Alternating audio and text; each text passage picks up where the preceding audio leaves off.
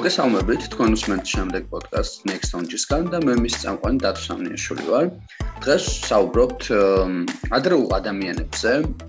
აა შევეხებით მანის, რა თქმა უნდა, სისტემას ახები თან საქართველოსში რთულია რომ მანისი არ მოიხსენე და არ გაშალო ეს თემა და შევესწრებით გავიგოთ თუ როგორ იყო მათი ევოლუცია, როგორ ქაშდნენ ისინი, როგორ ვითარდებოდნენ, როგორ იყო მათი ბრძოლა გადარჩენისთვის. რა მოაღწია დღეს ჩვენამდე და ასე შემდეგ. მოკლედ შევეცდებით რაღაცა დროში გადავახვიოთ დღეს დღევანდელი ჩვენი პოდკასტი და შევხედოთ წარსულში, უძველეს წარსულში. ამ ყველაფერში დაგვეხმარება პალეონთროპოლოგი, დღევანდელი ჩვენი სტუმარი, ანი მარკველაშვილი. ანი გამარჯობა, როგორ ხარ? გამარჯობა, დიდი მადლობა, კარგად. დიდი მადლობა მოწვევისთვის. აა, პატივია თქვენი სტუმრობა. ჩემთვისაც ჩემთვისაც ნამდვილად და აა ესე იგი მანამ უშუალოდ თემაზე გადავიდოდეთ იმას ვახსენებ რომ ცოტა ხნის წინ რა მნიშვნელოვანი კვლევა გამოქვეყნდა ასევე მნიშვნელოვან პლატფორმაზე ხო? ამ თემასთან დაკავშირებით და შემდეგ ეს თემაც მინდა რომ გავშალოთ. რაც ეხება რა თქმა უნდა უძველეს ადამიანებს თავის ქალაზე იყო კონკრეტულად საუბარი თუ არ მეშლება ხო? დიახ ხა ჩვენ აა მარტში გამოვიდა ჩვენი კვლევა. მარტში თუ აპრილში უკვე ამერია. დიდი ხანია მუშაობდით ამ კვლევაზე. დიდი ხანია მუშაობდით ამ კვლევაზე. ძალიან დიდი შრომა ჩაიდო, რა თქმა უნდა. და ჩვენი კვლევის ინტერესი იყო, ან ფოკუსირდა ერთ-ერთ თავის ქალაზე, დმანისიდან, რომელზეც აღმოაჩინეთ საინტერესო დეფექტები. და ну, რა თქმა უნდა, დეტალურად გამოვიკვლიეთ და შემდეგ ეს ჩვენი ნამუშევარი მოხდა ერთ-ერთ ძალიან მნიშვნელოვან სამეცნიერო ჟურნალში, განსაკუთრებით ჩვენს სფეროში, პალეოანთროპოლოგიაში, ეს ჟურნალი ერთ-ერთი მნიშვნელოვანი ჟურნალია, მის სახელია Journal of Human Evolution და მან გამოქვეყნდა ჩვენი ეს კვლევა დმანისის ერთ-ერთ თავის ქალაზე. ну, ეს თავის ქალა არის სხვათა შორის ერთ-ერთი პირველი თავის ქალარი რომელიც მანიში აღმოვაჩინეთ. ზეზოს რეკონსტრუქცია არის პრინციპში რასაც ჩვენ ხედავთ ანუ ზეზოს რეკონსტრუქცია ამ თავის ქალაზე არის დაფუძნებული და ამ თავის ქალაზე აღმოჩნდა რამდენიმე ტიპის დეფექტი, 4 ერთი ტიპის დეფექტი და 2 ესეთი ხრელოვანი დეფექტი, ესე ვთქვათ და გამოვიკვლიეთ და ვუყურებდით რა შეიძლება ყოფილიყო და სხვადასხვა არგის მეცნიერები, ნუ ვიყავით ჩართულები პალეოანთროპოლოგები თავისთავად. საქართველოსთან და ამერიკიდან ბატონი დავით ლორთქიფანიძე, საქართველოს ეროვნული მუზეუმის გენერალური დირექტორი, ასევე ჩვენი კოლეგა არის დოქტორი نيكოლოზ ციქარიძე, ასევე ეროვნული მუზეუმიდან, მე ჰარვარდის პროფესორი ფილიპ რაიტმაიერი და ტაფონომისტი ტაფონომი მართა ტაპენი ასევე ამერიკიდან. და ჩვენი ერთობლივი ნამუშევარი შემდეგ გამოქვეყნდა ამ Human Evolution-ში. დიახ. შვენიერი. აა იოცაც კიდევ ერთხელ და დიდი მადლობა. კი ბატონო და მოთ რაღაც თავიდან დავიწყოთ და ეს დმანის სისტემით რომ განვავრცოთ ანუ როგორ იწყება ზოგადად აი დმანისის არქეოლოგიური ისტორია როდის დაიწყო აქ ნიშნავანი აღმოჩენების გაკეთება რა სახის იყო ეს და ასე შემდეგ. აი ამით რომ მოვყვეთ და შემდეგ უკვე გავიდეთ უფრო წინ დიახ, დმანისის არქეოლოგიური დმანისი საერთოდ ძალიან მნიშვნელოვანია სამეცნიერო პლატფორმაზე. ერთ-ერთი უნიშნელოვანი არქეოლოგიური ძეგლია, მაგრამ სანამ ადამიანის ევოლუციაში გახდებოდა ისეთი მნიშვნელოვანი როგორიც დღეს არის, მანამდე იყო რა თქმა უნდა შუა საუკუნეები და შუა საუკუნეების გათხრები მიმდინარეობდა დმანიში, ხომ?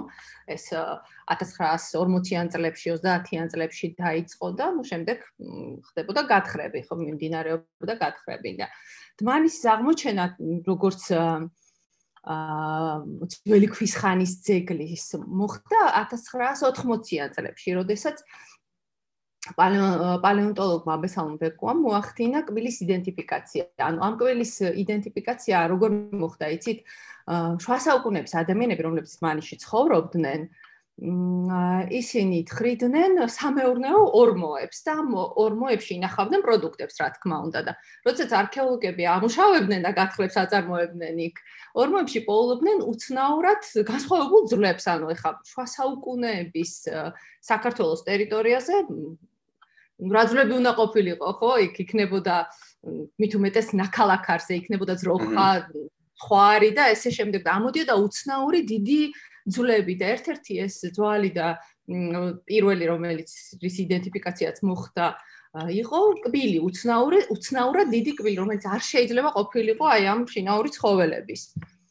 და ეს მიუტანეს ბატონ აბესალომს აბესალომ ბეკვამ თქვა რომ ეს არის მარტორქის კბილი და რადგან მარტორქის კბილია ეს ჩვენ ვართ ისეთ ასაკში, რომელიც რა თქმა უნდა შუა საუკუნეები არ არის და მინიმუმ 1 მილიონი წლის მაინც უნდა იყოს ძეგლიო. 1 მილიონი წელი ეს უკვე ძალიან დიდი ასაკია და უკვე სხვა ტიპის არქეოლოგები ერთვებიან, ანუ ყველა ყველა პერიოდს თავისი არქეოლოგი ყავს, თავისი ექსპერტი ყავს და აქ უკვე ერთვება ქვის ხანის არქეოლოგია. და ამითი დადგინდა რომ დმანისი პალეოლითური, ანუ ძველი ქვის ხანის არის. შემდეგ აღმოჩნდა ქვის იარაღები ორ წელიწადში, ხო, 1983 წელს ამოვიდა პირველი ქვის იარაღები და რადგან ქვის იარაღები ამოვიდა, ეს უკვე მიუთითებდა, რომ იქ ადამიანიც იყო, იმიტომ რომ ქვის იარაღებს მარტორკა ხომ ვერ გააკეთებდა.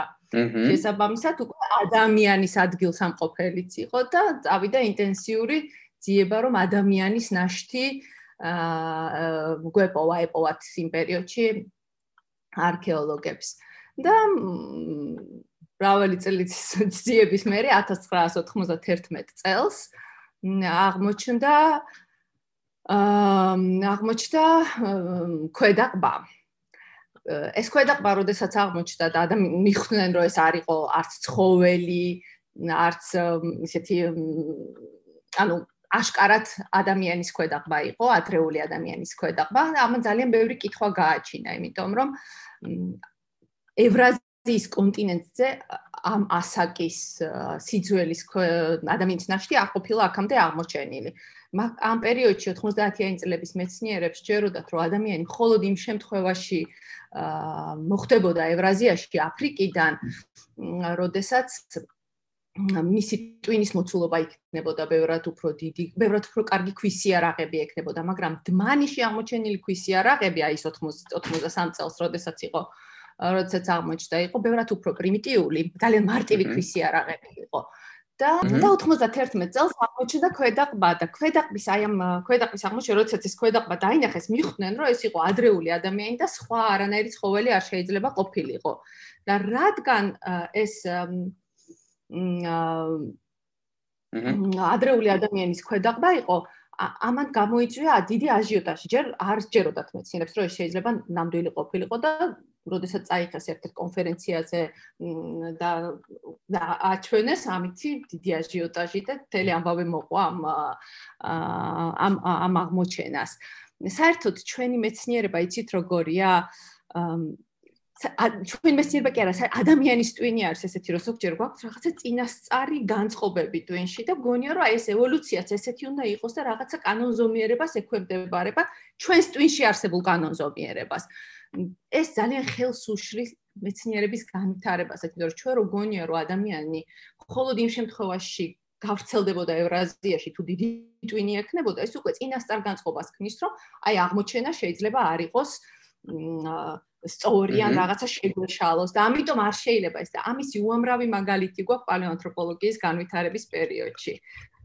ბევრი ბევრი რამ ბევრმა კვლევამ დაიხია უკან, იმიტომ რომ წინასწარი განწყობები იყო გარკვეული ტიპის. ესეთი წინასწარი განწყობა იყო მაგალითად 1920-იან წლებში, როდესაც პირველი ავსტრალოპითეკი აღმოჩნდა, იმიტომ რომ არავის არ წარმოედგინა, ყოველთვის ეგონათ რომ თავარი იყო ტვინის განვითარება და დიდი ტვინი იყო წამყვანი ევოლუციაში და შემდეგ მოყვებოდა მას სხეულის განვითარება. აჰა. თუმცა ეს ასე არ არის ხომ? ჯერ ადამიანი ადამიანის წინაპარი დადგა ორ ფეხზე და შემდეგ ხდება ტვინის ზრდა. ამის ერთ-ერთი საკმაოდ სასტიკი და სასაცილო მაგალითია. არ ვიცი გაგიგიათ თუ არა ეგ ამბავი, ემისი ფილდდაუნის ადამიანი, ფილდდაუნის კაცი, რომელიც 1912 წელს აღმოაჩინეს. მე მგონი არ გამიგია. მოაჩინეს წყალებში ეს თქვათ, ხო, ინგლისში. და მისი თავის ქალა ძალიან გავდა ადამიანისას და ყბა იყო მაიმუნის ყბას გავდა და კბილებიც ადამიანისას და ამითი 1900 ესე იგი 10-იან წლებში აუგუნის დასაწყისში და თითქოს ის იყო მტკიცებულება რომ აი ნამდვილად ტვინი იყო წამყვანი და მე მოდის სახეტანი და ასე შემდეგ და თურმე ეს ადამიანის ეს თავის ქალა იყო ესა ხუმრობა ხუმრობა კი არა მოუწყვეს ანუ ჰოლქს იყო ფალსიფიკაცია იყო ადამიან ნამდვილი ადამიანის თავის ქალის ძვლების გაფერადება მოხდა რომ დაამსგავს ეს ძველ ძვალს ორანგუტანის ქვედაღბა იყო და შიგნით ჩასვეს ადამიანის ორი კბილი ვინ მოაწყოს ეს არავინ არ იცის ვინ მოაწყო, მაგრამ ამ თავის კალის ძალიან დიდხან შეეროდათ და შემდეგი აღმოჩენები, მაგალითად ავსტრალოპითეკი, პირველი ავსტრალოპითეკი, რომელიც აღმოჩნდა, არ მიიღეს სერიოზულად სამეცნიერო საზოგადოებამ, იმიტომ რომ ეს თავის კალა, ეს ხელოვნურად შექმნილი თავის კალა ეგონათ ნამდვილი და მრავალი წელი დაჭირდა, თითქმის 30 წელი, სანამ მიხვდნენ, რომ ამ თავის კალის ადგილი არ იყო ჩვენს იმაში ევოლუციის ხაზში, იმიტომ რომ უკვე ესენი ძვლები რო წამოვიდა და რაღაცა ეს ფაზლი ხო იწებ, აწყობა ხდება ამ ფაზლის და ამ თავის კალის ადგილი არსად არისო. და მე მეხვდნენ რომ ეს თავის კალა იყო ასე ანუ ესე შეიძლება რომ ესე მარტივად შეაპარო მეცნიერებს. ეს თირაცა იცი ჩვენი მეცნიერება ახალგაზრდა მეცნიერება არის. ეხლა უკვე რა თქმა უნდა არ შეიძლება მაგრამ პირველი თავის ქალა რომელ წელს აღმოვაჩინეთ ანუ ადამიანის ევოლუციაზე საუბარი იწყება 1000 ესე იგი დიუბოა იუჟენ დიუბოა ეს იყო ცნობილი ჰოლანდიელი ნიდერლანდებიდან მეცნიერი რომელსაც რომელსაც რომელიც იყო ძალიან ესე იგი სჯეროდა დარვინის ევოლუციის თეორიის და ამით ინსპირირებული წავიდა ინდონეზიაში, რომ უნდა ეპოვა აი ეს missing link, ანუ აი ეს შვალედური ნამარხი ადამიანსა და მაიმუნს შორის. და ესე არც ერთი ძვალი არ არსებობდა იმ დროს და გადაბარგდა ოჯახით როგორც მოხალისე, რომ ეს ძვლები აღმოეჩინა. და წლით ხრიდა ინდონეზიაში სამი წელი ისე რომ არც ერთი ადამიანის ძვალი არ უპოვია. ძალიან რთული ცხოვრება გაიარა იქ ძიმე ცხოვრება ქონდა ნამდვილად და იმ დროს კომუნიკაცია ესე ადვილი არ იყო ხომ ხვდებით. და 1891 წელს იპოვა თავის 1891 წელს.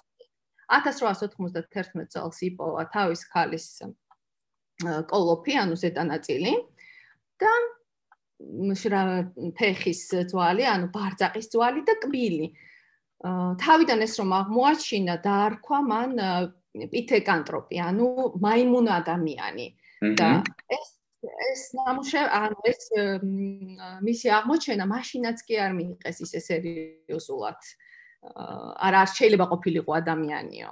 ამასობაში ნელ მანამდე კი იყო რაღაცა ძვლები აღმოჩენილი, მაგალითად 1856 წელს ნეანდერტალში იყო უკვე და 1829 წელს იყო, ანუ ნეანდერტალელები კი იყვნენ აღმოჩენილი, მაგრამ მაშინ ვერ ხვდებოდნენ რასთან ქონდათ საქმე, უფრო ეგონათ რომ პათოლოგია იყო. თან ნეანდერტალელების ტვინის მოცულობა და თავი ხო ჩვენნაირია, ჩვენი მოცულობის არის. და ეგონათ რომ პათოლოგია იყო და აი უკვე ეს პითეკანტროპი, ანუ ეხლანდელი მე სახელი შეეცვალა ამ პითეკანტროპს და ერექტუსი დაერქვა. აი პითეკანტროპი და ერექტუსი უკვე ნამდვილად ევოლუციურად ბევრად უფრო ძველი, ანუ ბევრად უფრო პატარა ტვინის მოცულობა აქვს, ხომ?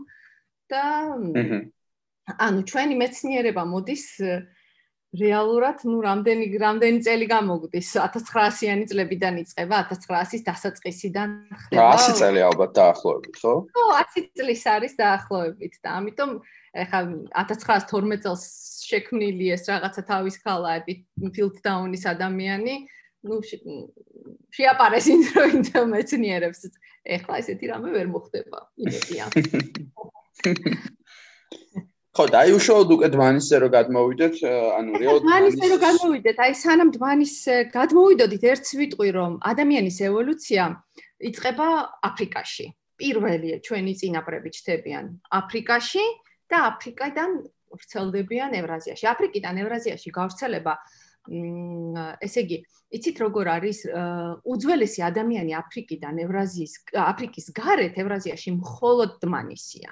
დმანის ძველი არ არ არსებობს. ჩვენ ამიტომ გგონია და ვამბობთ რომ აფრიკიდან ევრაზიაში ვრცელდება ჰომოს გვარის წარმომადგენელი. ჰომო არის ჩვენი უშუალო წინაპარი. ჩვენ ხო ჰომო საპიენსი ვართ. ჰომო როგორც გვარი და საპიენსი როგორც სახეობას მოაზროვნე ადამიანი, ხო? ანუ ამ ჰომოს გვარში უამრავი სხვადასხვა სახეობა გვხვდება ჩვენი ევოლუციის ხაზზე. ა მაგალითად ერთ-ერთი დმანისელი ჰომო ერექტუსი, ხომ? ჩვენ ჰომო საპიენსი ვართ, იყო ჰომო ნეანდერტალენსი, ჰომო ფლორესიენსის და ასე შემდეგ. დღესდღეობით მხოლოდ ჰომო საპიენსი ჩვენ გადავრჩით, მაგრამ ადრე უამრავი სხვა სახეობა ცხოვრობდა. და ეს ჰომოს გვარის საწყისი არის აფრიკაში. აფრიკაში ჩდება ჰომო, აფრიკაში ჩდება ჩვენი საერთოდ აი ჰომინდების წინაპარ, ანუ მაიმუნსა და ადამიანის შორის ადამიანის საერთო წინაპარიც და შემდეგ ხდება აფრიკიდან გამოსვლა. ანუ ჩვენ ფიქრობთ, რომ პირველი ვინც აფრიკას ტოვებს არის ჰომო და როდესაც ჰომო გამოდის აფრიკის გარეთ, საკმაოდ მალე ხდება ევრაზიაზე გავრცელება, ევრაზიის კონტინენტზე გავრცელება, იმიტომ რომ შემდეგ უკვე ჩვენ პოულობთ კვალს დმანიში არის, შემდეგ არის კვალი ჩინეთში, ინდონეზიაში და ასე შემდეგ. და ეს დმანისის აღმოჩენებმა აჩვენა, რომ აფრიკიდან გავრცელების ასაკი ბევრად უფრო ადრეულია ვიდრე ჩვენ გვეგონა. მათ ადრე აი 90-იან წლებამდე მეცნიერებს ეგონათ რომ დაახლოებით 1 მილიონი წლის წინ გავრცელდა, ხომ? უფრო დიდი ტვინით და კარგი ქვისი არაღებით, მაგრამ დმანისმა აჩვენა რომ გავრცელებისთვის არც დიდი ტვინის მოცულობა არის საჭირო და არც აა ესეთი ესე ვთქვათ, კარგი ქვისი არაღები. და ის ქვისი არაღებიც კი რაც დმანიში აქვს, ახლა მე პირადად, რა თქმა უნდა, ჩემი კოლეგა არქეოლოგები ამზადებენ ქვისი არაღებს. აი მე მაგალითად ვერ გავაკეთებ, მე რო პრეისტორიაში ჩამსო, ალბათ ძალიან მალე გავხდები. რაიმე ცხოველის ვეპლი და ვერც ერთ ქვისი არაღს ვერ გავაკეთებ და ალბათ საკმაოდ სჭირდებოდა ესე იგი, ხო? უნარები სჭირდებოდა, რომ ესეთი არაღი გაეკეთებინოთ ალბათ. კი, უნარები ჭირდება, იმიტომ რომ ქვისი არაღის გაკეთებას უნდა მასალის შერჩევა, რომლისგან აკეთებ ქვისი არახს და ასევე მასალის შერჩევა, რომელიც ურტყამს ამ მეორე ქვისი არახს, რომ ზუსტად ის ბასრი კიდე მიიღოს და თვითონ არ დაინტროს, ხო? ანუ ორი სხვადასხვა მასალის შერჩევა არის საჭირო. აა რო ერთი ქვისი არახი გაკეთდეს, გარდა ამისა, რა კუთხით უნდა დაარტყა, რომ ბასრი კიდე აითალოს იმ ნუკლეუსიდან და ну თავისი ტექნიკა აქვს რა თქმა უნდა. აი მე ვერ ვაკეთებ მაგალითად ქვისი არაღებს და საკმაოდ საშიშია, იმიტომ რომ ანატკეცებსაც ისვრის და ძალიან ბასრია. ეს ქვისი არაღები, რომლებსაც აი ეს ბასრი კიდე აქვს, საკმაოდ ბასრია და კარგად შეიძლება ხორცის ათვა. არა, ალბათ ეს ხელოვნების დონეზე ქონდათ იმათ და რაღაც თავმოვლენს თავმოვლს გადასცემდნენ. ალბათ რა თქმა უნდა. ეხლა ჩვენ დმანისის ქვისი არაღებს როცა ვlapარაკობთ, ეს არის ძალიან მარტივი ქვისი არაღები. მართლა აი ყველაზე მარტივი ტიპის ქვისიარაღებია. მე შემდეგ უკვე ადამიანის ევოლუციის განვითარებასთან ერთად ხდება ამ ქვისიარაღების ბევრად უფრო დახვეწა, მაგრამ მაინც ის იარაღი არის მართლა მარტივი, რამდენიმე დარტყმა და თვითონ რო კონდეს ქვის ანათალი ბასრი კიდით, მეტი მათ არ კონდათ. ხო აი მიზანი, ხო. მაგაზე ის არის უბრალოდ გამახსენდა, როგორც ვიცი, აა აი ზოგადად რომ ამბობენ ხოლმე რომ ზედაც ეს რა გვაქვს აღმოჩენილი მან შერეალურად ცოტა სხვანაირად არის ხო რეალურად და ანუ ერთ-ერთ პატარა ბავშვის ნაშთი აღმოჩენილი და ამ შემდეგ. აი მაგაზეც რო ვისაუბროთ ანუ როგორია ესენი და აი რას გვაძლევს ეს სიტყვაზე არის თქმის საშუალებას გქონდა. მაგ მაინც ის აღმოჩენები ძალიან მნიშვნელოვანია გარდა იმისა, რომ აი თქვა ასაკობრივი სიძველე მიეცა ადამიანის ევოლუციას და მიუხვდით, რომ ადამიანი ბევრად უფრო ადრე გამოვიდა აფრიკიდან, ვიდრე გვეგონა და ეს არის დაახლოებით 2 მილიონი წელი. გარდა ამისა, დმანიში გვაქვს აღმოჩენილი რამდენიმე ინდივიდი. ეს არის ხუთი ინდივიდი არის ამ ეტაპზე მინიმუმ ხუთი ინდივიდი. ამ მინიმუმ ხუთი ინდივიდს იმიტომ ვამბობთ, რომ ჩვენ გვაქვს ხუთი თავის კალა. ხუთი თავის კალა, რა თქმა უნდა, მინიმუმ ხუთ ადამიანს ეკუთვნოდა, ხო? მეც ვერ ეკუთვნოდა, მაგრამ ერთ ნაკლებს, ანუ მინიმუმ ხუთი ინდივიდი გვაქვს, მაგრამ ჩვენ ძვლები გვაქვს უფრო ბევრად უფრო მეტი. 100-მდე ჩონჩხის ძვალია, ხომ? ეს შეიძლება ბევრად მეტი ინდივიდს ეკუთვნოდა, მაგრამ ესე ჩვენ ვერ მივაკერებთ, რომ აი ეს ძვალი ნამდვილად განსხვავებულ სხვა ინდივიდს ეკუთვნის. ჩვენ ხვდებით დაახლოებით ასაკის მიხედვით, რომელი ძვალი ამ ხუთიდან რომელ ინდივიდს ეკუთვნის, მაგრამ ესე 100%-ით ვთქვათ, რომ აი ეს არც ერთს არ ეკუთვნის და ამიტომ სხვა ინდივიდია, ესე არ ხდება მეცნიერებაში. ეს ჩვენ სფეროში არის მინიმუმ ინდივიდების მინიმუმის რაოდენობის დადგენა. ამიტომ დმანში გვაქვს მინიმუმ 5 ინდივიდი და დმანის არქეოლოგიური გათხრები, ესე იგი თქვენ დმანის არქეოლოგიური გათხრები მიმდინარეობს კონცხზე. ეს ეს კონცხი არ არის დიდი ფართობის, ან საკმაოდ პატარა ფართობი აქვს ამ კონცხს, ან პატარა ფართობი მე ვამბობ, ყველაფერი შედარებითია, რა თქმა უნდა, ფართობი დიდია, მაგრამ სხვა არქეოლოგიურ ძეგლებთან შედარებით, მაგალითად აფრიკაში, როდესაც კილომეტრებზე ხდება გათხრები, ან სხვა სხვა ტიპის გათხრები მიმდინარეობს, იქ გათხრები ნაკლებად არის, ან სხვა ტიპის გათხრებია. ჩვენთან არის ძალიან ახლოს ეს ყველაფერი. რამდენიმე კვადრატულ მეტრ დისტანციაზე არის ეს ცულები ერთმანეთისგან ნაპოვნი. ანუ ეს ხუთივე ინდივიდი არის აი რაღაცა 10 კვადრატულ მეტრ დისტანციაში. ზოგი კიდევ უფრო ახლოს ერთმანეთთან ნაპოვნი. 10, 20, 30, აი ესეთ ახლო დისტანციებშია ძალიან ნაპოვნი და ასეთი კონცენტრაციის, ანუ ეს ხუთი ინდივიდი ასე ახლოს ერთმანეთთან ნაპოვნი რეალურად არ არის. გარდა ამისა გეოლოგიური კონტექსტით ძალიან მნიშვნელოვანია. დმანისის ერთ-ერთი უდიდესი პლუსი არის ჩვენ გვაქვს ზუსტი დათარიღება. დაახლოებით 1.85 ან 1.850 მილიონი წლის წინ მოხდა ვულკანური ამოფრქვევა და ვულკანური ამოფრქვევის ხო მოყვება ლავა მოდის ხომ? აი ეს გაციებული ლავა ქმნის კონცხის ბაზას. ამ კონცხის ამ ლავაზე შემდეგ ხდება სხვადასხვა ნალექების ნალექებით დაფარვა. აი ამ ნალექების ამ ნალექებშია დმანისის თავის ქალები აღმოჩენილი. მერე შემდეგ არის რაღაცა კალციფიცირებული შრე და თითქოს დაკონსერვება მოხდა ამ დმანისის ზედაპირს. ეს კალციფიცირებული შრე რამ წარმოქმნა არ ვიცით, მაგრამ ეს შრე თვითონ ჩვენ ვეძახით ესე კერქს ვეძახით ამ შრეს და ძალიან მყარი შრი არის და რთულია მისი გათხრა.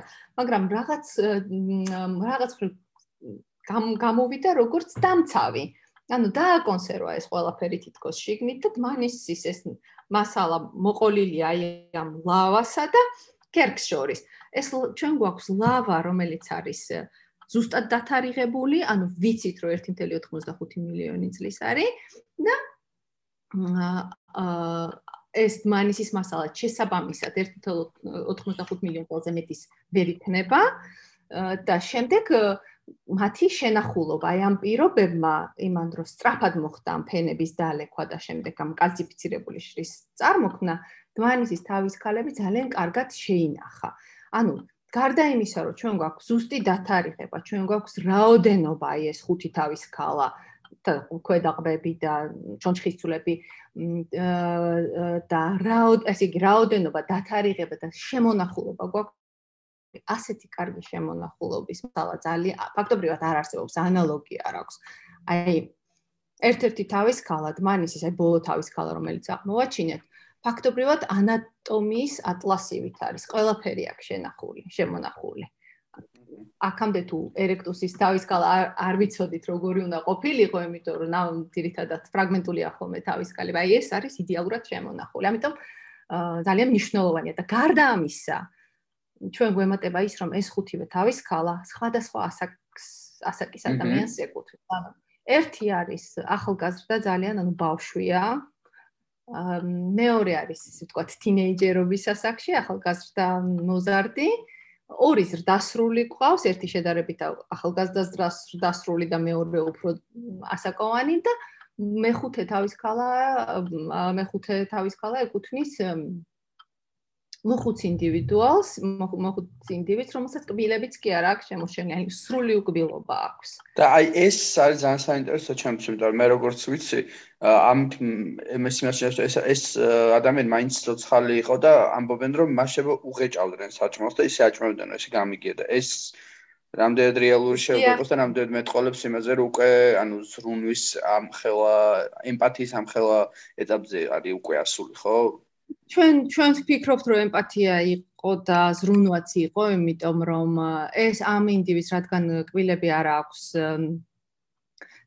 განსხვავებით გამოვთვალეთ ჩვენ დაახლოებით 2-3 წელი უნდა ეცხოვრა იმ ისეთი რეზორბცია, ანუ იცით როგორ არის კბილის ის კბილბუდეში. როდესაც კბილი კარგება, ხდება კბილბუდის განლევაც. ანუ ჩვენი კბილები როგორც კი კბილ კბილი და კბილბუდე მეგობრობენ თუ რომელიმეს პრობლემა აქვს თუ კბილსა აქვს პრობლემა და კბილი დაიკარგა კბილბუდე განილევა თუ კბილბუდესა აქვს პრობლემა ფიქსაცია აღარ ხდებოდა შემდეგ კბილს კარგავთ ხომ?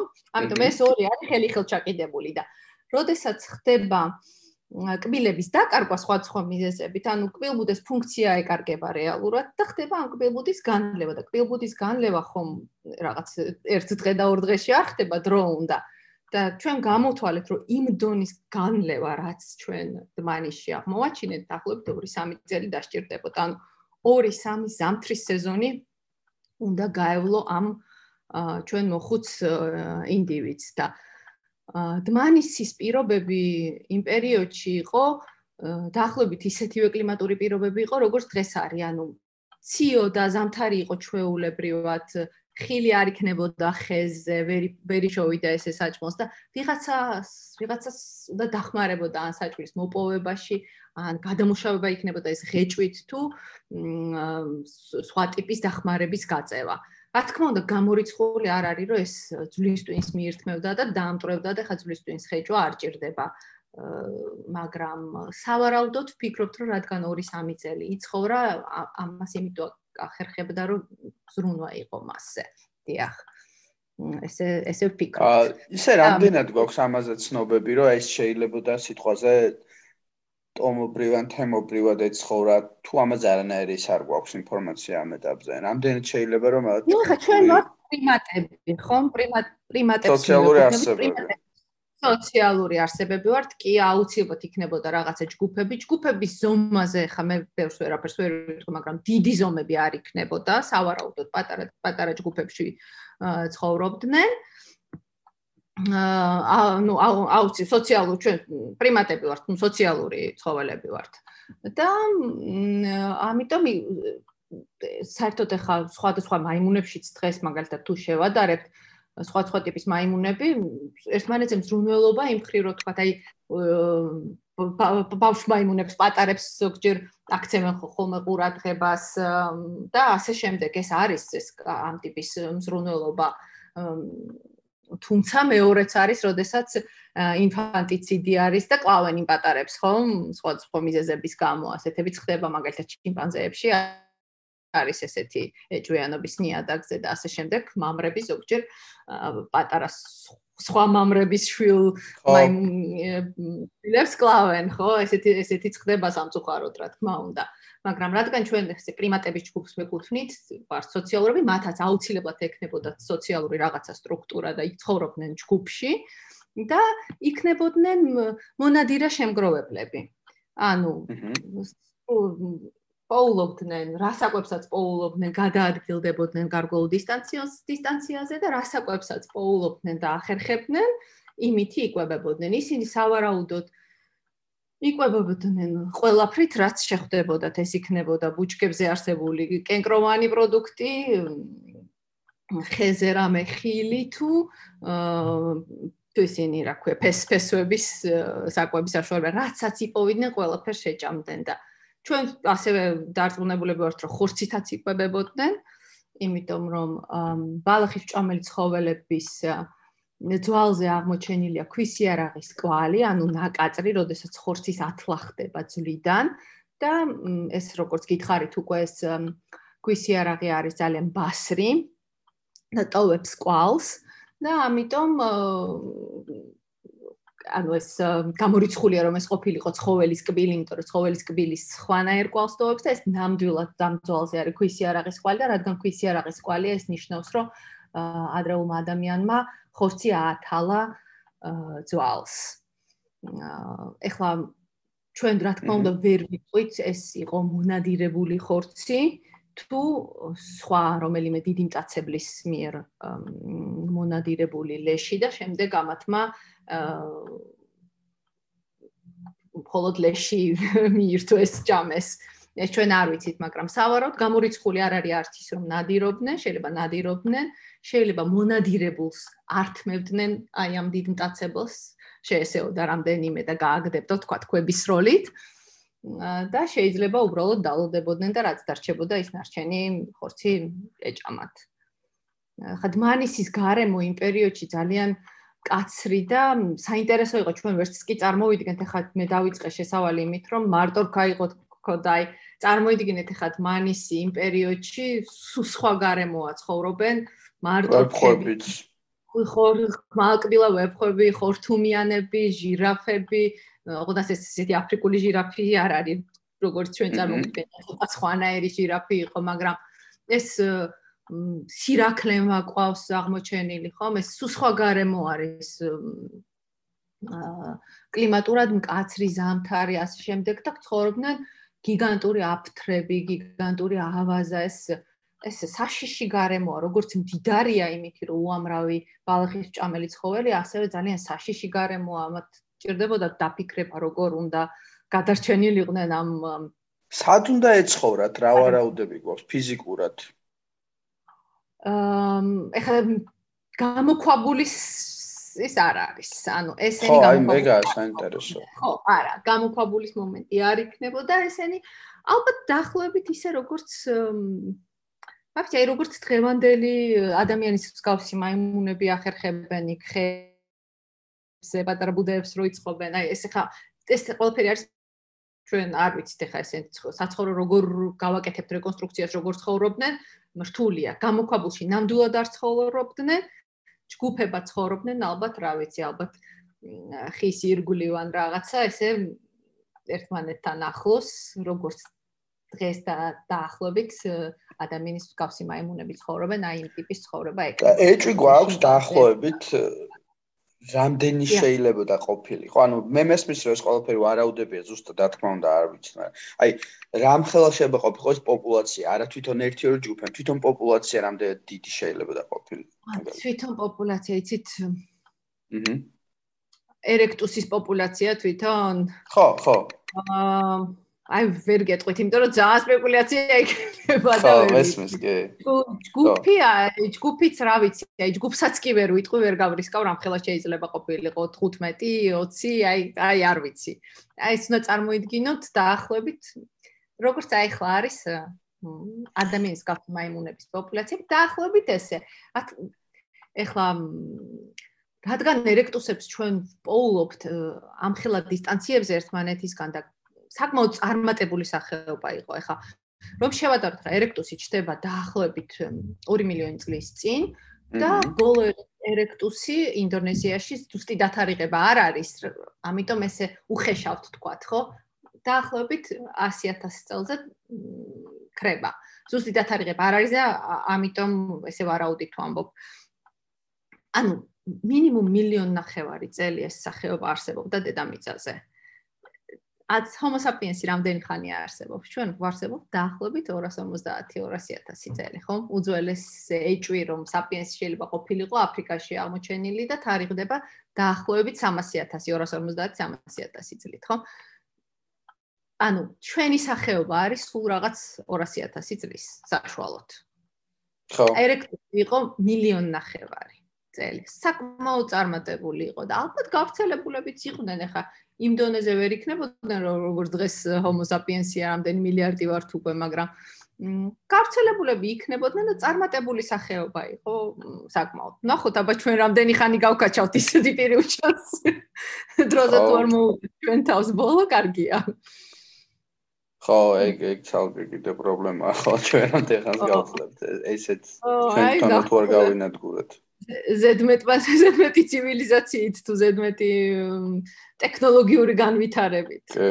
მაგრამ მე რადგან homo sapiens-ი ვარ, მჯერა რომ არ დაუშვებთ ამას და მოვახერხებთ იმას, რომ ცივილურად გავაგრძელოთ განვითარება. აა კი ბატონო, იმიტომ რომ ეხლა მტაცებლები აღარ არიან შეიძლება საფრთხე, მაგრამ ჩვენი იარაღია ყველაზე ძალიან საფრთხე. იარაღი, კი, კი. ჩვენ ხელში. რა თქმა უნდა. აი ხე ისიც ამიდოდა მე თქვა რადგან ეს თქვით რომ დმანიში ხუთი ინდივიდი იყო და ეს პოპულაციებზე ლაპარაკობთ მე არ მინდა რომ მსმენელს ეგონოს რომ ეს ხუთი ინდივიდი ერთმანეთს აუცილებლად იცნობდა და ეს იყო თვითონ ერთი პოპულაცია რომელიც ეს ერთი ოჯახი იყო და იქ მოხუცი წავდათ და ეს ეს რა თქმა უნდა კარგია ეს ზედა ზეზოაც მაგიტავამ რაღაც მხატვრულად არის რეალურად თორე ზოგონია რომ წყვილია აღმოჩენილი ან რაღაც. ო რა თქმა უნდა მხატვრულად არის ეს ეს ეს რომ ერთ თაობას და ერთ ოჯახს ეკუთვნოდა ეს ესე არ იქნებოდა სავარაუდოდ. შეიძლება თაობებში იყო განსხვავება და 100 წლეულებში ყოფილიყო რამდენიმე 100 წელი შეიძლება ყოფილიყო პირველ და ბოლო თავის ქალას შორის ეს რა თქმა მაგრამ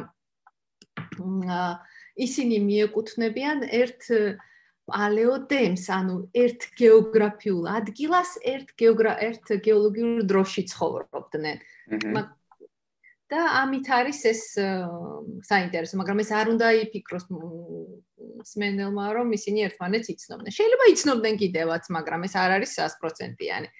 ხო, ამ აი ძალიან საინტერესოა კიდე მათი ურთიერთობა სოციალ და ეს თქვენი კვლევა რაღაც დონეზე ეხებოდა ამას, როგორც მათ შორის თავის ხალაზეა საუბარი, სადაც დაზიანებების მიხედვით მეტყველებთ, რომ თავიდან შევა ქონდა დაზიანება, რამაც მის სიკვდილი არ გამოიწვა, მაგრამ ამ მან იწოცხლა კიდე ამ კონკრეტული დაზიანების შემდეგ, იმიტომ რომ ცულებიმა ფორმირება განაგძეს, ცულება განაგძეს უფრო სწორად, მაგრამ ეს დაზიანება უკვე იყო.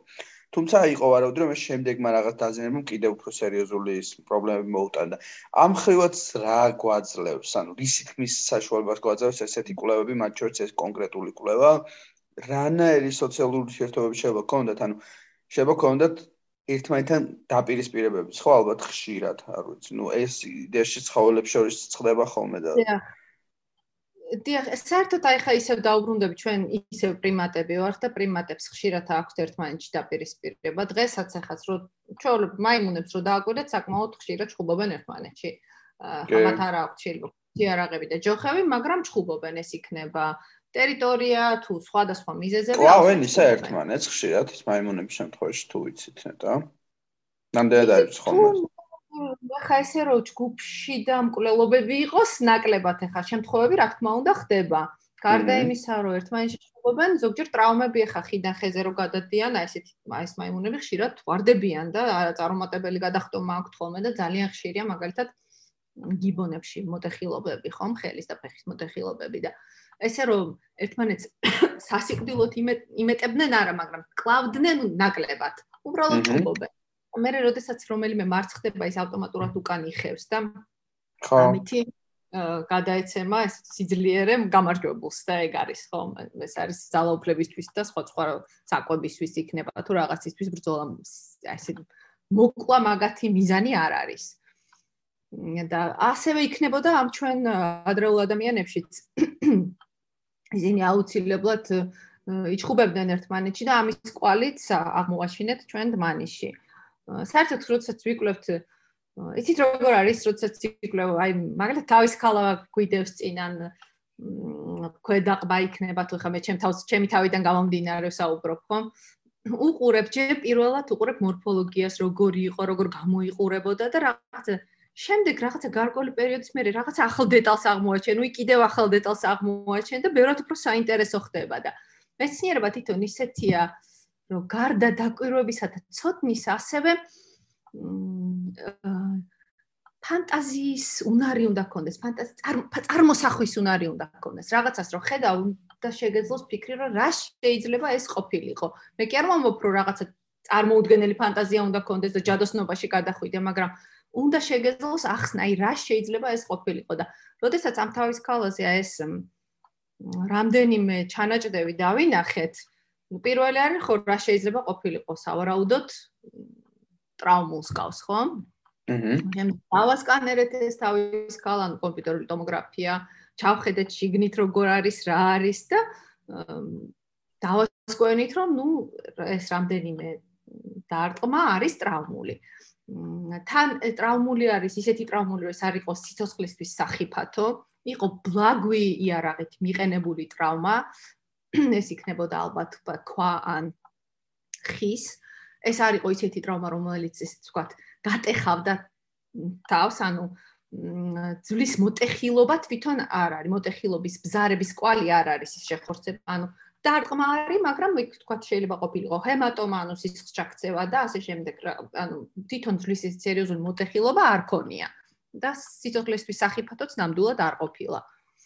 მაგრამ გარდა ამისა, საინტერესოა, რატო ვფიქრობთ, რომ ჩვენ ეს ნამდვილად ინტერპერსონალური ბრძოლა იყო და თავში ჩარტყმისგან იყო და არა იმისგან, რომ თქვა დავარდა.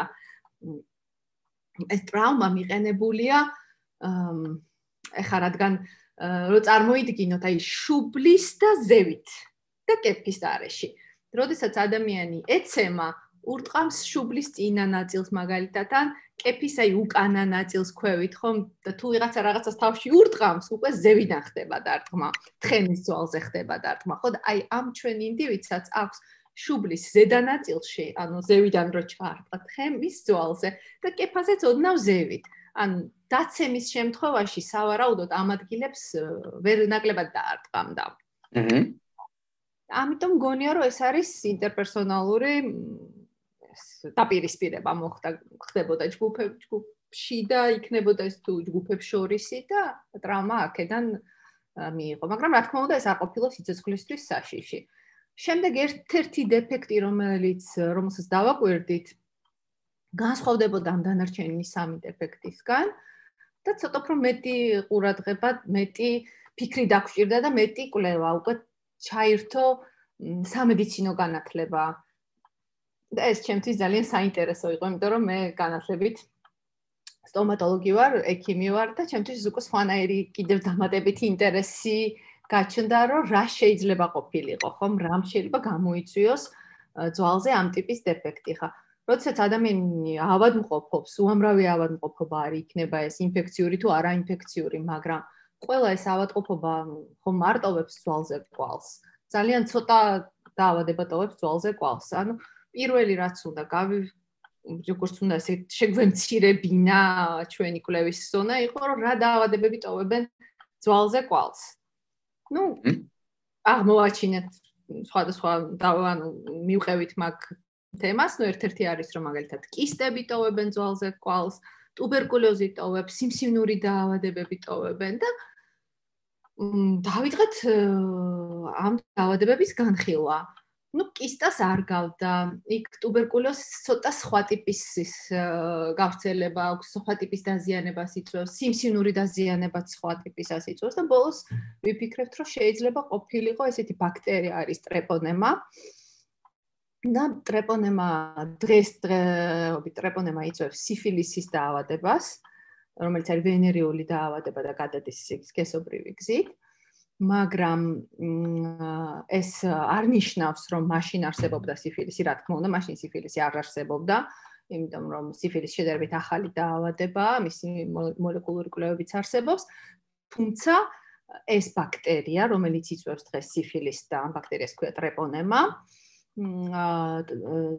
ტრეპონემა სავარაუდოდ არსებობდა, იმიტომ რომ ის დაზიანება, რომელიც ჩვენ აი თვალზე აღმოაჩინეთ, ძალიან გავს ძვლის ისე დაზიანებებს, რომლებსაც ჩვენ ახლა პოულობთ არქეოლოგიურ მასალაშიც და ასევე თანამედროვე ადამიანის მსგავს და მაიმუნებში და ისე ზოგადადაც მაიმუნებში ძვალზე აღმოჩენილი ეს დეფექტი გავს ამას და ამ დაავადებას იწვევს ტრეპონემა.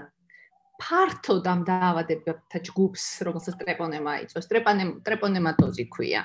და სხვადასხვა ტიპის დაავადებები არსებობს, ესე იგი სიფილისის გარდა. მ სხვა ტიპის დაავადებებს იწვევს ეს ტრეპონემატოზი. ჩვენ გონია, რომ ეს იყო ერთ-ერთი ტრეპონემატოზი, რომელიც არასკესობრივი გზით გადადის და ამ არასკესობრივი გზით დაავადება ხდება ძირითადად ხოლმე ბავშვობის ასაკში. რომელიც შეიძლება იყოს ახლო კონტაქტიდან გადადის ეს დაავადება, კონტაქტური გზით გადადის, რა თქმა უნდა.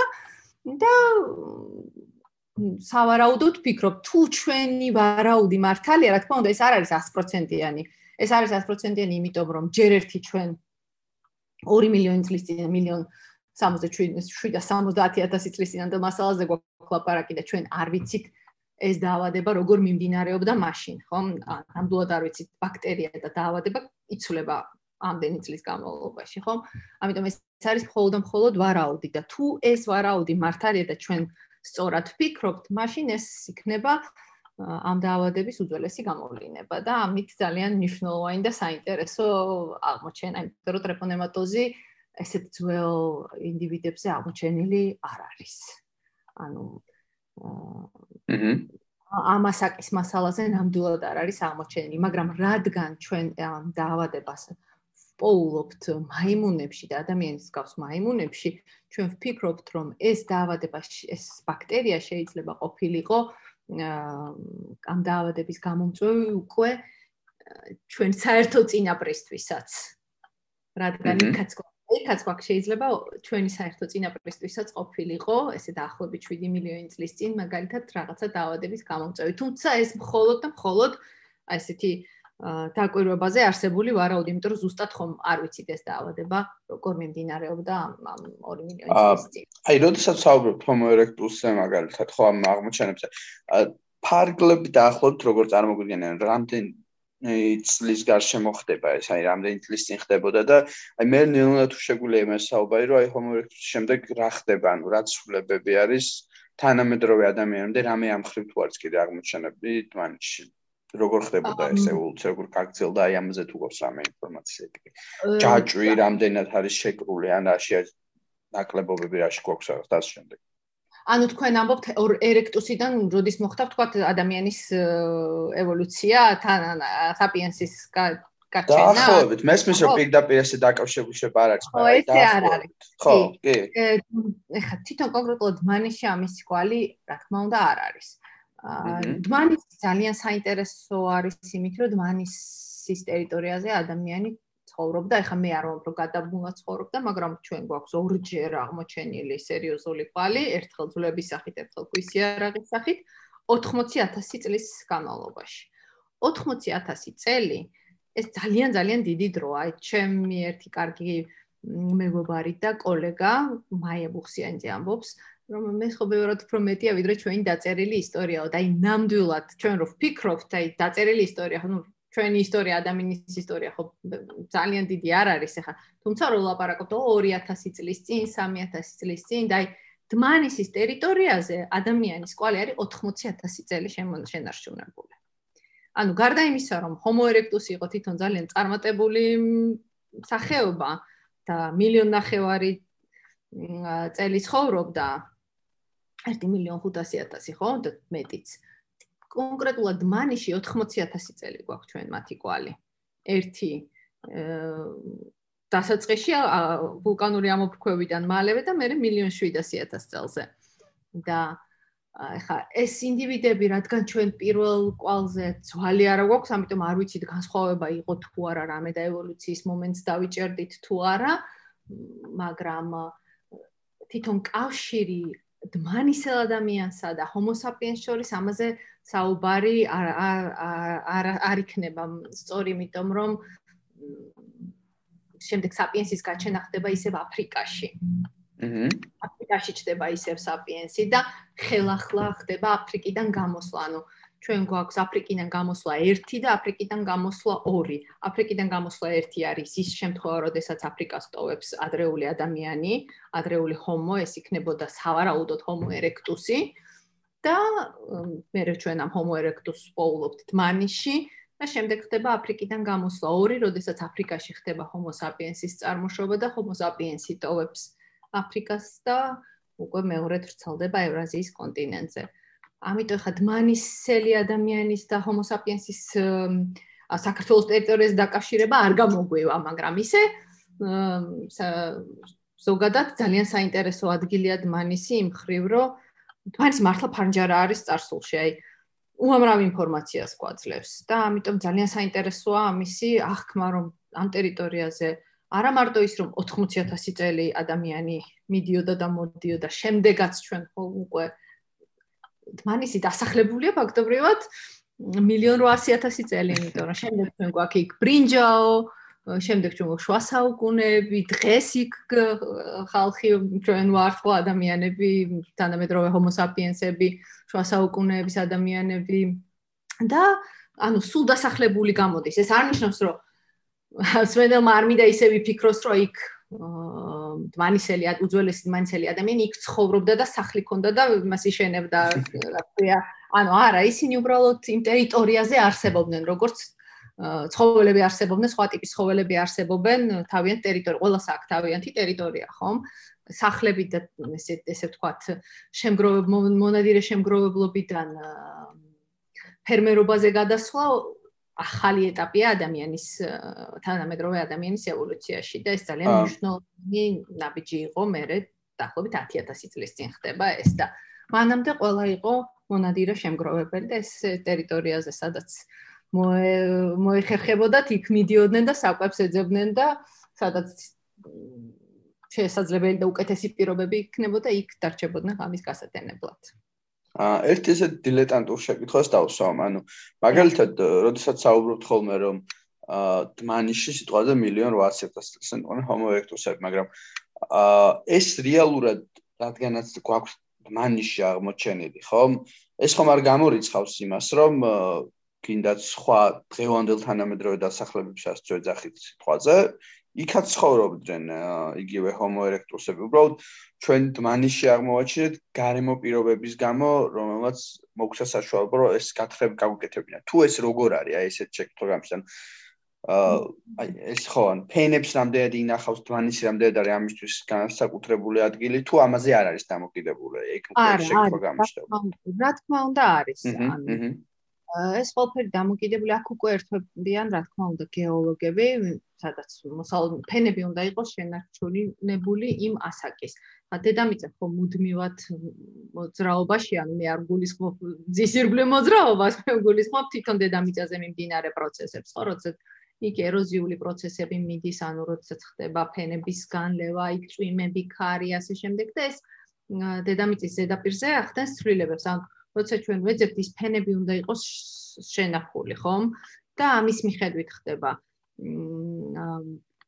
ტერიტორიულად ეს ხა ანუ გეოლოგიის მიხედვით ხდება, სად შეიძლება ყოფილიყო ადამიანი. და ამისთვის ცალკე ექსპერტები არიან, გეოლოგები იქნებიან ეს თუ არქეოლოგები და იმათ მაიციან ისინი ადგენენ ღირს თუ არა, თქვათ, ამ და ამ ადგილზე კვლევა. და საერთოდ როდესაც ეჭვიჩნება, რომ შეიძლება რაღაცა მასალა იყოს, პირველი რაც ხდება, ესე თქვათ, სატესტო გათხრები მიდის. თქვათ რაღაცა ჯერ ხდება ტერიტორიის პროსპექცია, ანუ რო ფენები ინახოს, შემდეგ ხდება სატესტო გათხრები, როდესაც დაახლოებით 1 კვადრატული ან 2 კვადრატული მეტრის მეტრის ტერიტორია ფართობი ითხრება და ჩადიხარ სიღრმეში და ნახულობ რა შეიძლება აღმოაჩინო და ამის მიხედვით მე უკვე იგეგმება ღირს თუ არა ფართომასშტაბიანი არქეოლოგიური გათხრების ჩატარება. ხა მან საქართველოს ტერიტორიაზე სხვაგან იყო თუ არა ადრეული ადამიანი, ხა ფაქტია რომ დმანისთან ახლოს სოფელ ოროზმანში ჩვენი კოლეგა გიორგი ბიძინაშვილი და მისი გუნდი მათ აღმოაჩინეს ადრეული ადამიანის კვალი ანუ ესე თვითონ ზო ადამიანის სულები ჯერ არ უყოვიათ მაგრამ დარწმუნებული ვარ რომ აუცილებლად იყოვიან მაგრამ რადგან უკვე ადამიანის კვალი აქვს ისი არაღის სახით შემონახული ეს ნიშნავს რომ იქ ადამიანი იყო და ფაქტია რომ მარტო დმანიში არ ყოფილა ადამიანის, იგი დმანის გარეთაც იყო. იმ ტერიტორიას აშკარად კარგად ფლობდა ეს ადრეული ადამიანი. ამიტომ თუმცა დმანიში არის სპეციალური გარემო, რამაც ხელი შეუწყო შემონახვას, ან ხო ამ ნაშთებს. დმანიში არის აი ეს ეს სპეციალური გარემო კი ჯერ ერთი მოხდა ძალიან სწრაფი დაფენიანება, სწრაფ დაფენიანებაში მე არ გულისხმობ 100 წელს, შეიძლება ყოფილიყო რამდენიმე 1000 წელიც, მაგრამ ეს ძალიან სწრაფია გეოლოგიურად და ამიტომ ხდება ძვლების კარგად შენახვა. ქვევით ჩვენ გვაქვს რა თქმა უნდა ბაზალტი, ანუ გაციებული ლავა და შემდეგ როგორც გითხარით, ზევიდან ეს კალციფიცირებული ფენარი, რომელიც იცავს ამ ამ აღმოჩენებს და აი ბოლო აღმოჩენა ჩვენი აი ეს რომ მე რომ ვახსენე ძალიან კარგად შემონახული, რომელიც თავის ხალაც არის 2005 წელს აღმოჩენილი, აი ანატომიის ატლასივით არის Homo erectus-ის. აი ეს თავის ქალა ძალიან რთული იყო ამ თავის ქალის გათხრა, იმიტომ რომ იცით როგორ არის ეს ლავა რომ მოდი მოდიოდა ეთყობა ხო აგრესიულად მოდის ეს ნელ-ნელა ხომ არ მოტივტივებს ესე თქვა თუ მოლივლივებს და ეს ბაზალტის ეს ლავის ფეხი თითქოს აიწია ტალღასავით და ეს გაცივდა ჰაერში ეს ხო ძალიან ცხელია და შემდეგ გაცივდა და ეს თავის ქალა ჩავარდა აი ამ ტალღის ქვეშ. აი ტალღის წრეში ჩავარდა და იყო იდეალურად დაცული, ანუ არა რო ჩავარდა აი ამ პატარა ჯიბეში ლავას ლავის მიერ შექმნილ ჯიბეში იყო დაცული ზევიდანაც ლავა ქონდა, ქვევიდანაც ლავა ქონდა და ამიტომ ამოსაღებად გასათხრელად ძალიან რთული იყო მისადგომად, იმიტომ რომ ზევიდან ვერ უდგებოდი და ესე გვერდიდან ხრიდნენ ჩვენი არქეოლოგები, მაგრამ ჩვენი კოლეგები ყველაზე გამოცდილი არქეოლოგები უდგებიან ამ საქმეს, იმიტომ რომ ასეთი რთული და საპასუხისმგებლო საქმე ამ ამ მასალის ამოღება და მაგრამ მართალია ეს რთული იყო, მაგრამ სამაგიეროდ დაცული იყო იდეალურად და აი არაფერი არ აქვს დაზიანებული იდეალური თავის კალა თუ შეიძლება რომ ითქვას იდეალურად შემონახული კი. აა შვენიერი. აი ბიზნესშული რო ახსენეთ მასთანაც მქონდა საუბარი ჩვენ ვიყავით კიდევ 20 მას ჩასული next-დან და სიუჟეტიც გავაკეთეთ ყველაფერიც მათ ბოლო აღმოჩენაზე საუბრობ. აა და იქ იყო რაღაცას გვეუბნებოდნენ რაც ყველაზე აკლია დღეს თანამედროვე ქართულ არქეოლოგიას დაფინანსებით დაწყებული ყურადღებით და ასე შემდეგ და ასე შემდეგ თუ რამდენად ეჯერად სიტყვაზე აქ ოროზმანში რაღაც აღმოჩენდნენ და უფრო რაღაც ენთუზიაზმით და იმით მიაღწიეს ამ კონკრეტულ წარმატებას და აი ამ ხრივ ინდას დმანისე რა შეგვიძლია თქვა და ზოგადად ქართულ არქეოლოგიას აი ნელა შეგვიძლია ჩეჯამებისკენ წავიდეთ და ამის ფარგლებში ვთქვა, ანუ რა შეგვიძლია ვთქვა, ქართულ არქეოლოგიას რა სჭირდება დღეს, ანუ ეს შეიძლება იყოს კვლევების დაფინანსებები ან რავი, მეტი რესურსი, აი რა რა რას ფიქრობ? ქართულ არქეოლოგიას სჭირდება მხარდაჭერა. ხო, აი როგორი სახის ხო. რა თქმა უნდა გჭირდება. ეს ყოველთვის ხო იცით, უხერხული თემაა ფინანსებზე საუბარი ხა, მაგრამ ფინანსების garaშე სამწუხაროდ არ გამოდის საქმის კეთება, იმიტომ რომ ფინანსებთან არის დაკავშირებული ძალიან ბევრი რამ.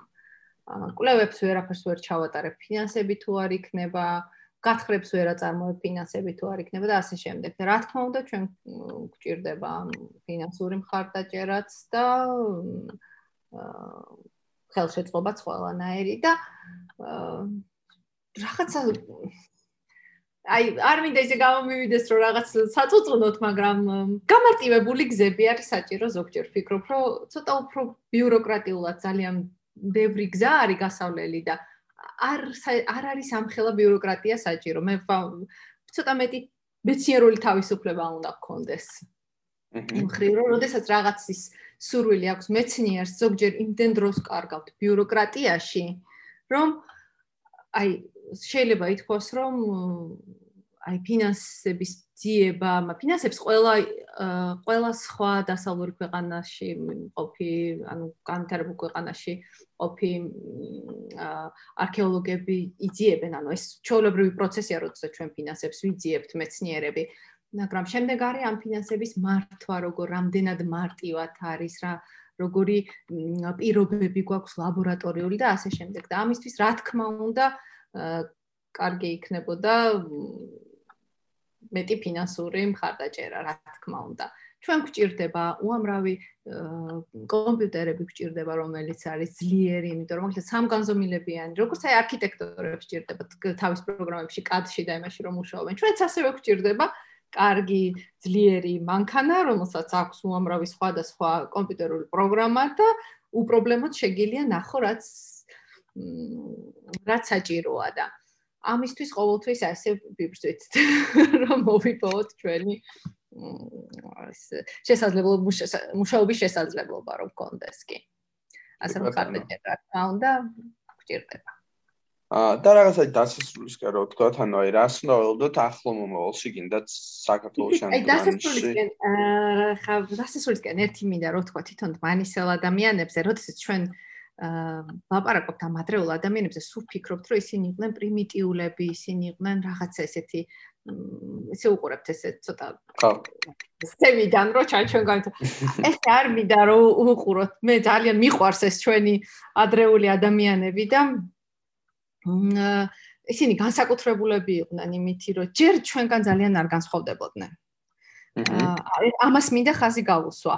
აი მაგალითად ჩემი წინაკლებები აჩვენებს რომ მათ ჰქონდათ ზუსტად იგივე ჯანმრთელობის პრობლემები. პირის ღრუში რაც გვაქვს ჩვენ ყველა დაავადება ჰქონდათ კარიესიდან დაწყებული პაროდონტის დაავადებებზე დამთავრებული იყენებდნენ კბილის ჭხირსაც ანუ როცა დისკომფორტი ჰქონდათ პირის ღრუში ძალიან კარგად იყენებდნენ კბილის ჭხირს რომ ისაჭმელი წამოეგდოთ ანუ ეს ადამიანები გარდა ამისა ასაკობრივი ცვლილებებიც რაც მიმდინარეობდა მათში დაახლოებით ისეთივე პროცესები მიმდინარეობს ჩვენში ანუ ჩვენგან ძალიან ბევრით არ განსხვავდებოდნენ. და არც ისეთი რო ვფიქრობთ, რომ აი ჭკვიანები არ იქნებიან. არ იყვნენ უდვინოები, ისინი ახერხებდნენ იმ გარემოში, იმ რთულ გარემოში, იმ სიცივეში, უამრავ ხიფათში და ასე შემდეგ შვენივრად გადარჩენას. რა თქმა უნდა, ეს ერთი ინდივიდი ჩვენ რომელიც თქვით, საინტერესო ფაქტი არ არ ვიტყვამს, ეს ინდივიდი, რომელსაც ეს დაავადებები ჰქონდა, სავარაუდოდ ასევე მსხვერპლი იყო ერთ-ერთი დიდი მტაცებლის, იმიტომ რომ თავის ხალხზე ორი ნახრეტია აღმოჩენილი და ჩვენ გავზომეთ დისტანცია ამ ნახრეტებს შორის და ეს ნახრეტი ემთხვევა ეს კბილებს კბილების ეშვებს შორის დისტანციას. და ფიქრობთ რომ სავარაუდოდ მსხვერპლი იყო ერთ-ერთი დიდი მტაცებლის შეიძლება გიგანტური აფთარის მაგალითად. და ამაზე მიუთითებს ისიც რომ ამ ადამიანს არ აქვს სახე და საერთოდ ეს სტაცებლები როდესაც თავს ესხმიან, მოაჭამენ ხოლმე სახეს და აი გამოწეულ ნაწილებს, ყურიმალებს და ასე შემდეგ და ჩვენ ვფიქრობთ, რომ სავარაუდოდ ეს იყო ამ სტაცებლის მსხვერპლი და ამ ამითი ამითი მოკვდა. და მართალია ეს ინდივიდი მსხვერპლი გახდა სტაცებლის, მაგრამ დანარჩენები ხომ დაბერდნენ და მოახერხეს გადარჩენა და ამიტომ ახერხებდნენ ეს ადამიანები ამ რთულ გარემოში ცხოვრებას და გადარჩენას და ისე მინდა რომ არ გვეგონოს რომ ჩვენ ძალიან ბევრად მაღლავთ გავართ. რა თქმა უნდა ჩვენ ვართ განვითარებული უკვე სხვანაირი ის გვაქვს, მაგრამ ისინიც ჩვენი წინაპრები იყვნენ და პატივისცემით უნდა გავიხსენოთ ხოლმე. კი ბატონო. კი ბატონო. და ანუ აი რაღაცა მომავლის იმაზე თუ გვაქვს რამე პროგნოზები სხვაზე რა თქმა უნდა მომავალი ჩვენ კვლევები გრძელდება ბევრ საინტერესო კვლევას შემოგთავაზებთ აუცილებლად ჩვენ ხა ეროვნული მუზეუმი პრინციპში რა ვიცი საქართველოსი ერთ-ერთი ძალიან მნიშვნელოვანი კვლევითი დაწესებულებაა და ეს ძალიან მნიშვნელოვანი წინსვლა ქონდა ჩვენ ბოლო ბოლო რამდენ ბოლო 20 წლის განმავლობაში დაახლოებით ძალიან მნიშვნელოვანი თავისუფალ საქართველოს პერიოდში პრინციპში ძალიან მნიშვნელოვანი წინსვლა ჰქონდა და ეროვნული მუზეუმი არის უკვე ვარსკვლავი დაწესებულება არის საქართველოს პერიოდში აქ ძალიან ბევრი საინტერესო კვლევა წამოვიდა ეს მარტო ოდმანისი ხომ არ არის აქ ჩვენ ღვინის კულტურა არის მეტალურგია ასე შემდეგ უამრავი კვლევა მიდის და ამიტომ ძალიან დიდი მხარდაჭერა გჭირდება უფრო მეტი კარგი კვლევა რომ მქონდეს და მეტი კარგი კვლევა დავდოთ რა თქმა უნდა. და საინტერესო არის რა თქმა უნდა დმანისის კვლევები მიმდინარეობს. მე არ მიყვარს ხოლმე წინასწარო თქვა რა კვლევები იქნება იმიტომ რომ ზოგადად როდესაც ახალი კვლევა მზადდება შინაარსის გამხილება არ არის სასურველი, იმიტომ რომ ამითი შეიძლება სხვა სხვა ჟურნალმა მე არ გამოაქვეყნოს, იმიტომ რომ სიახლე არ არის. ამიტომ ახალ კვლევებზე ბევრს ვერ ვიტყვი ვერაფერს დაგეგმილ კვლევებზე, მაგრამ საინტერესო კვლევები, იმიტომ რომ დმანისში არის უამრავი ინფორმაცია. ეს იქნება თავის ქალის შესახებ, ეს იქნება კბილებზე, ეს იქნება მათ ლოკომოცია ანუ გად როგორ მოძრაობდნენ, ტვინი, ტვინის კოლოფი იქნება თუ ასე შემდეგ, უამრავი მიმართულება არის და ყველა სფეროს თავისი ექსპერტი ყავს და ყველანი ერთად ჩართულები ვართ და ეს არის როგორც საერთაშორისო, ისე ქართული და ამიტომ საინტერესო კვლევები, რა თქმა უნდა, მიმდინარეობს და იმედი მაქვს, რომ შემოგთავაზებთ მომავალში, ახლო მომავალში საინტერესო რეზულტატებსაც. კი ბატონო, კი ბატონო და რა, წარმატებას გისურვებთ. ძალიან საინტერესო რაღაცა აკეთებთ და ზოგადად ანუ მე თვითონაც რა გქონდა შეხება ოროზმანში რო ვიყავი, რაღაც ან ამაღელობელი იყო, თორე ამდენად ძველ ნაშთებს ეხები და რო იცი რომ ამ ხელა ისტორია აქვს ზოგადად როგორც შენ სახეობის წარსულს, ასევე ზოგადად სიცოცხლეს და რაღაც საერთოდ სხვა ის არის რა, ანუ ეფექტი არის, როდესაც ამ ყველაფერს საკუთარი თვალით ხედავ და ალბათ კიდე დარწმუნებულსაც ამ კვლევებში იღებ მონაწილეობას ეგ ორ მაგათა სამაგად კიდე უფრო ამაღლებელი და საინტერესო იქნება. აუცილებლად გვესურვეთ თმანისიც, თმანისი არაჩვეულებრივი ადგილია და სიამოვნებით გაგიწევდით. ძალიან დიდი მადლობა. ძალიან დიდი მადლობა, რა ვიცი, რამე თუ იქნება ესე ვთქვათ, რამ შევძლებთ რომ ჩამოვიდეთ, შეიძლება რაღაც სიუჟეტს გავაკეთოთ მომავალში, იგივე კიდევ საფოლკლოროსთან დაკავშირებით. ძალიან დიდი მადლობა მოკლედ თქვენ და გისურვებთ კიდევ ერთხელ წარმატებას და საერთოდ მადლობა რომ.